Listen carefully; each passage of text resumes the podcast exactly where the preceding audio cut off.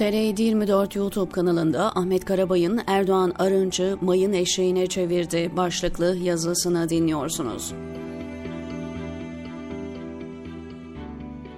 Cumhurbaşkanı Tayyip Erdoğan'ın aklındaki tek konu deprem değil. Asıl konu zorunlu seçim tarihinin önünde duruyor olması. Bu tarihi değiştirip değiştirmeyeceğine ilişkin Bülent Arınç aracılığıyla zemin yokladı. Değiştiremeyeceğini anlayınca şimdi Reuters ajansı aracılığıyla tornistan yapıyor. 6 Şubat depremi 8 milyon seçmenin hayatını doğrudan etkiledi. Bu 100 seçmenden 14'ünün etkilendiği anlamına geliyor. Daha depremin ilk haftasında bölgeden 2 milyon insan farklı bölgelere göç etti. Buradan hareket eden Erdoğan seçimin ertelenmesi üzerinde durdu. Depremin ilk günlerinde yaraların sarılması için felaketzedelerden bir yıllık süre isteyen konuşmalar yaptı.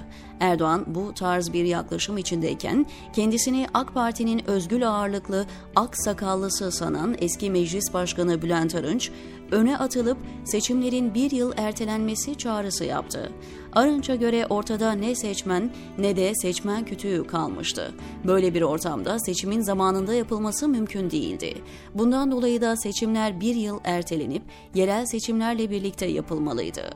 Arınç'ın bu çıkışının ardından 14 Şubat'ta Özgül Ağırlık'tan Özgül Rezalete Bülent Arınç başlıklı bir yazı yazmıştım. Bu açıklamayı Beştepe Sarayı'ndan yapılan bir görevlendirmeyle mi yaptığı yoksa Erdoğan'ın böyle düşündüğünden hareket eden Arınç'ın kendiliğinden mi bu çıkışı yaptığını bilmediğimin altını çizmiştim. Açıklamamın hemen ardından bu yazıyı yazdığım için Arınç'ın çıkışının nedeni tam olarak belli değildi.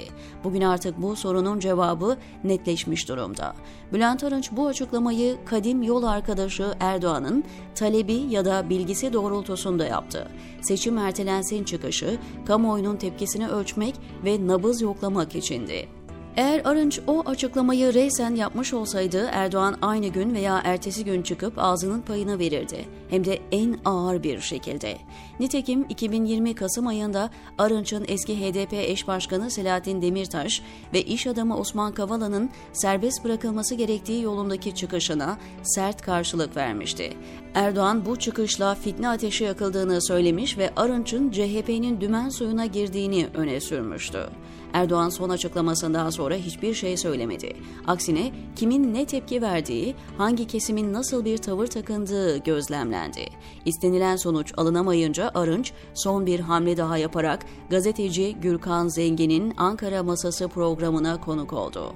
Arınç daha önce tavsiye olarak yaptığı açıklamalarını bu kez tehdit boyutuna taşıdı. Yüksek Seçim Kurulu'nun bu şartlarda seçim yapamam diyerek seçimi ertelememesi ya da meclisin bir anayasa değişikliği yaparak seçimi ertelememesi durumunda ülkede kaos çıkacağını öne sürdü. Kamuoyunun tepkisi Arınç'ın bu ikinci çıkışından sonra netleşti. Beştepe Sarayı kamuoyunun seçimin ertelenmesine sıcak bakmadığını gördü.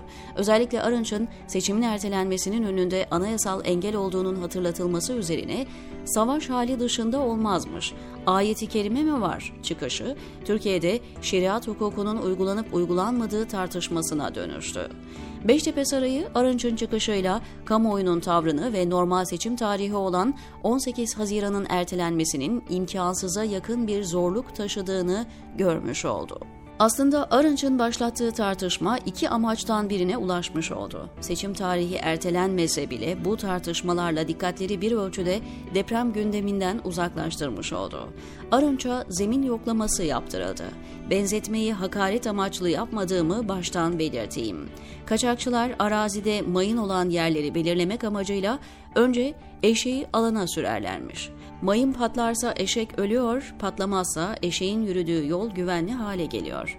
Bülent Arınç da seçim ertelenmeli dediğinde bilerek veya bilmeyerek Beştepe tarafından mayın eşeği gibi tehlikeli alana sürülmüş oldu. Erdoğan için artık yeniden seçim gündemine dönme zamanıydı. İngiliz haber ajansı Reuters'a bilgi veren AK Partili üst düzey yöneticiler, seçimli ertelenmesinin Erdoğan'ın gündeminde olmadığını, seçimlerin zamanında yapılması dışında bir alternatiflerinin olmadığını söylediler. Seçimlerin ertelenmesi fikrinin tamamen rafa kaldırıldığını belirten iktidar partisi yöneticileri, sandığın 18 Haziran'da kurulmasının öne çıktığını belirtiyorlar. Erdoğan'ın MHP lideri Devlet Bahçeli ile konuyu ele alıp nihai kararın verileceğini de ifade eden AK Partili üst düzey yöneticiler daha önce üzerinde durulan 14 Mayıs tarihinin de masada olduğunu hatırlattılar.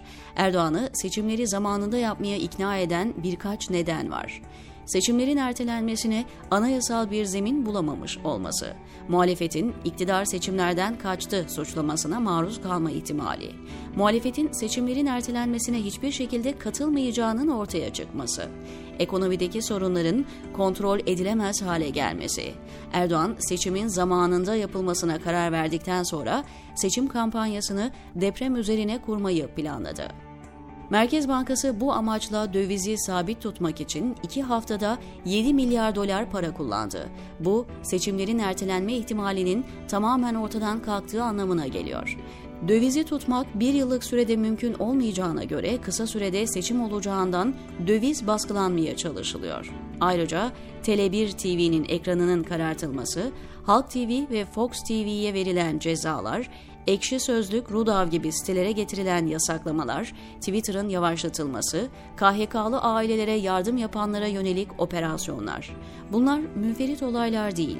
AK Parti ülkeyi sindirilmiş bir ortamda seçime götürmeye kararlı olduğunu göstermek için bunları yapıyor. Deprem karşısında ilk günlerde yaşanan beceriksizlikleri örtmek için başvuracakları yöntem felaketin büyüklüğü olacak. Şimdiden iktidar medyasının deprem yerine asrın felaketi tabirini kullanması bunu gösteriyor. Bu kadar felaketle ancak böyle mücadele edilebilirdi algısı oluşturup bunun üzerine de yaptıklarını abartarak halka pazarlamaya çalışacaklar. Bu iki yaklaşımı sunarak ülkeyi sandığa götürecekler, diyor Ahmet Karabay TR724'deki köşesinde.